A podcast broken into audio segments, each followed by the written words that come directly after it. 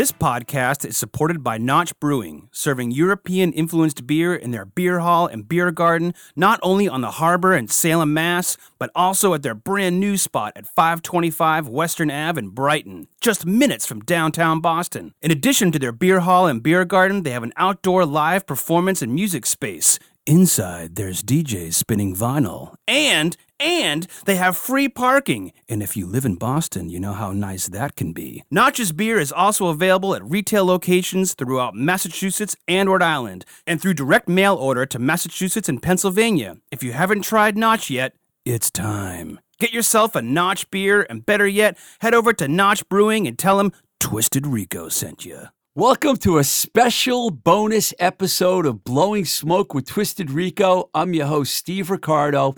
Firstly, let me just come right out and say that I stole this idea from a guy that has a vlog on YouTube. I even told him I'm stealing his idea. It's a cool cat that goes by the name of The Groovy Imp, I M P, one word. He rates a bunch of bands' albums from bottom to top. And when I realized that his Queen rating was completely different than what mine would be, I had to take him on in a friendly way, of course. Queen, of course, is my favorite band of all time. I saw the original band three times with Freddie, once with Paul Rodgers, and I even saw them with Adam Lambert. They, the original four, was simply put the greatest live band in rock and roll history, and unless you saw them live, you cannot dispute this. I saw them as a teenager, and I have to say, I've mentioned this before. The Queen Thin Lizzy show that I saw, I believe, was in 77 or 78. I was a teenager. It was the greatest rock show I ever saw. Nothing ever came close to it. So before I rank the 15 Queen studio albums from bottom to top, I have to mention that Queen also has 10 live albums, all of which are amazing records, especially 1979's Live Killers, which is a massively heavy record, almost as heavy as Live at the Beeb, which was released in wasn't which wasn't released until 1989 but was recorded in 1973 when the band was at their heaviest glam stage. Live Killers is so heavy, it even has a 12 minute version of Brighton Rock, which is basically a showcase for Brian May's remarkable guitar skills. All of their live records are great. The one from Wembley Stadium, Montreal, Budapest, they're all fantastic in their own way. So I just wanted to get that out of the way. Okay, sit back and enjoy or disagree or whatever, because I'm going to, as, as a huge Queen fan as I am, you can fight me about this. I have every right to express my opinion. So I'm going to rate them from the 15th best Queen record all the way to number one. You ready? Number 15, 1995, Made in Heaven. It was released after Freddie's death. It's basically a compilation of unreleased tracks, the best of which being Brian's Too Much Love Will Kill You. It's not a horrible record. They're all great records, but that has to be number 15. Number 14, I'm going to go with a record that some people don't even consider one of their studio records, but it is. It's the Flash Gordon soundtrack, which came out in 1980. It's the original soundtrack for the film. Lots of songs under two minutes, mostly instrumental, with one great song, Flash's theme, which really is a cool tune. If you haven't heard it, check it out.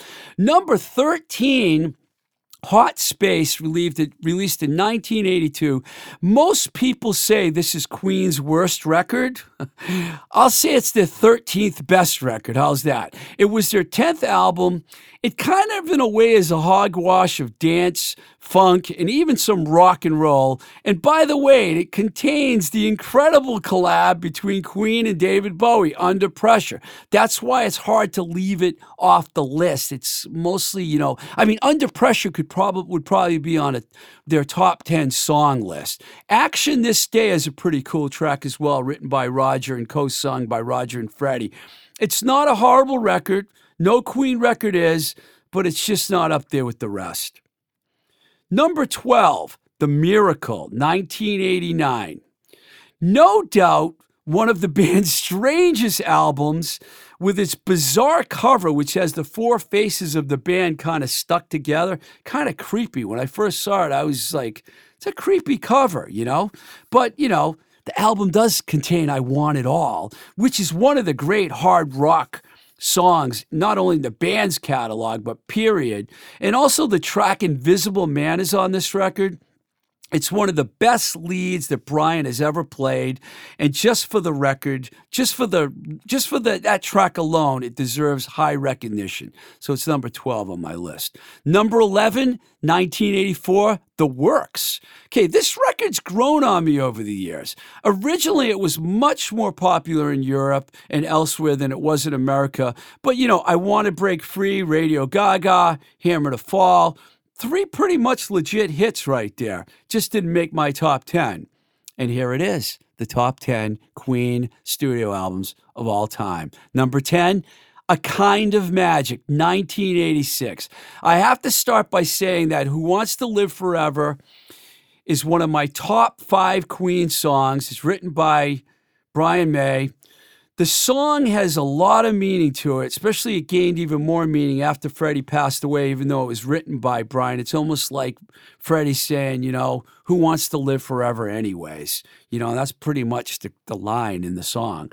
One Vision, the title track, and Princes of the Universe, which was in the film Highlander. I know it's kind of a, uh, you know, not a really popular film, but a lot of people do like it. It later became a TV series they used the song, the Queen's song, Princes of the Universe. Number nine, I really like this record. It's hard to believe it's my ninth favorite Queen record. That's how good the band is. It's the last Queen album, really.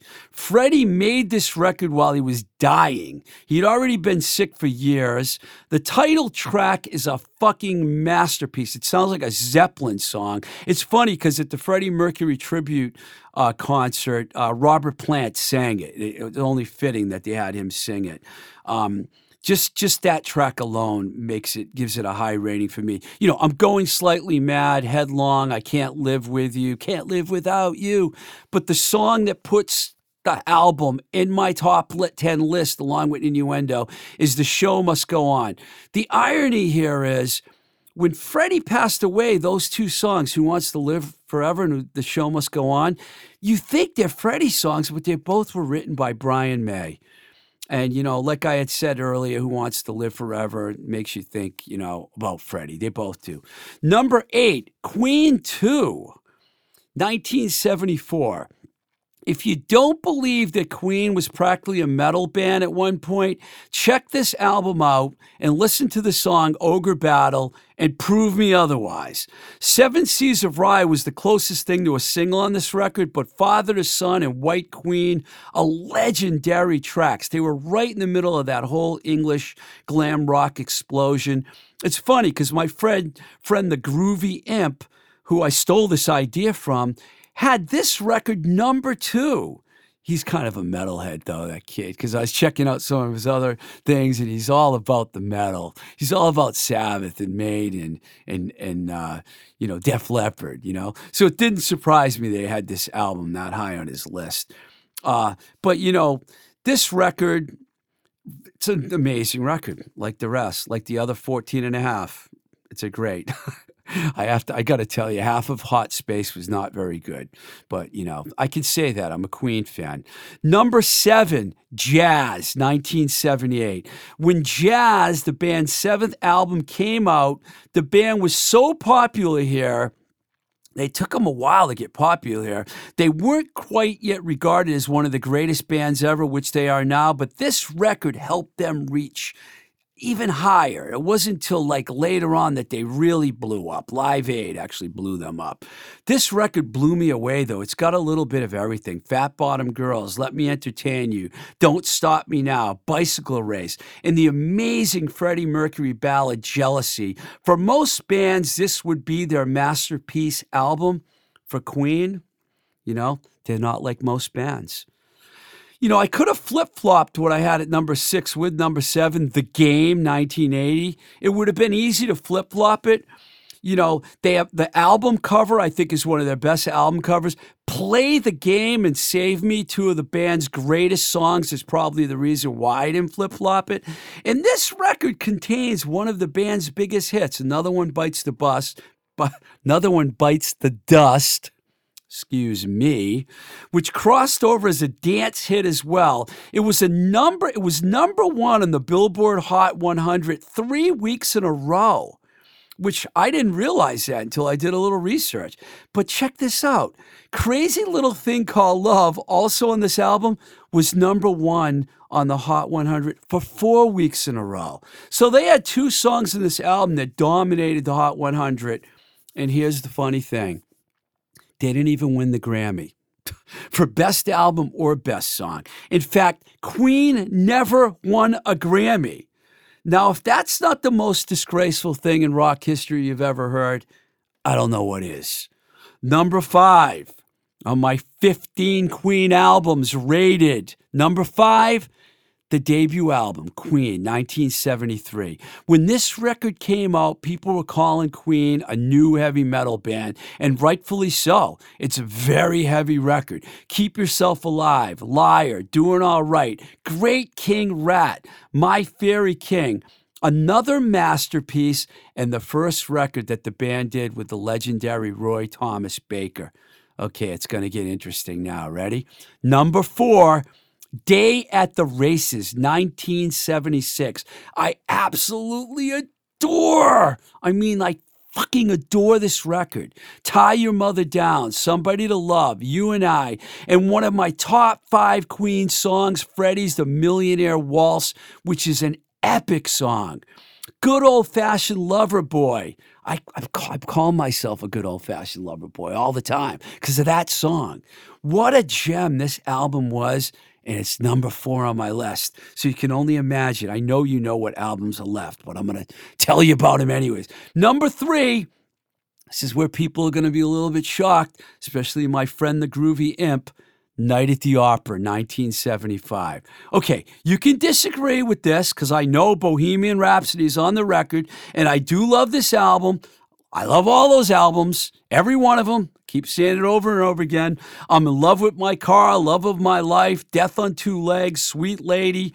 I know. How could I not have this number one on my list? Well, I guess you got to say it's personal that I don't have it number one because these two albums are my top two favorite Queen records. Number two, News of the World, 1977. I was on the biggest Queen high of my life from the previous album, Day at the Races. So when News of the World came out, I was ready. I was really ready for this record. And my all time favorite song was on this record. It's Late. That song changed my life. Brian May, once again, he wrote some of the best Queen songs. And Spread Your Wings, a Freddie song, what a friggin' piece of art. And I'm not even talking about We Will Rock You and We Are the Champions, which everyone in the whole world's talking about. They also put the track Sheer Heart Attack on this album and it happened to be on another album by the same title. Ready? Drum roll, please.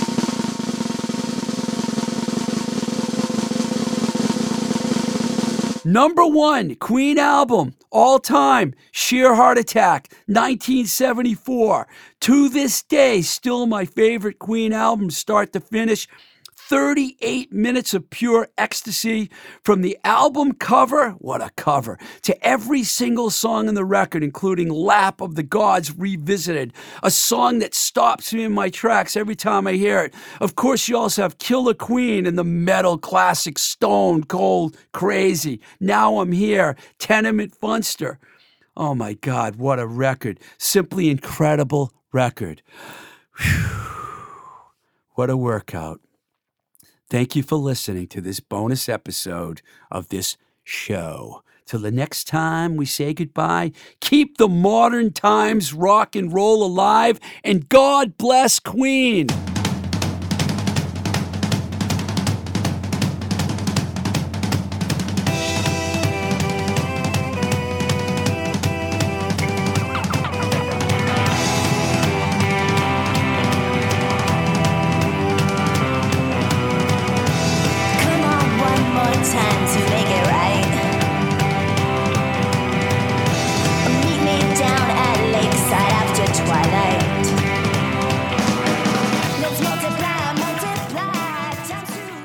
Voice is recorded at Voice Motel, voicemotel.com, your complete podcast recording experience, located in Union Square, Somerville, Massachusetts.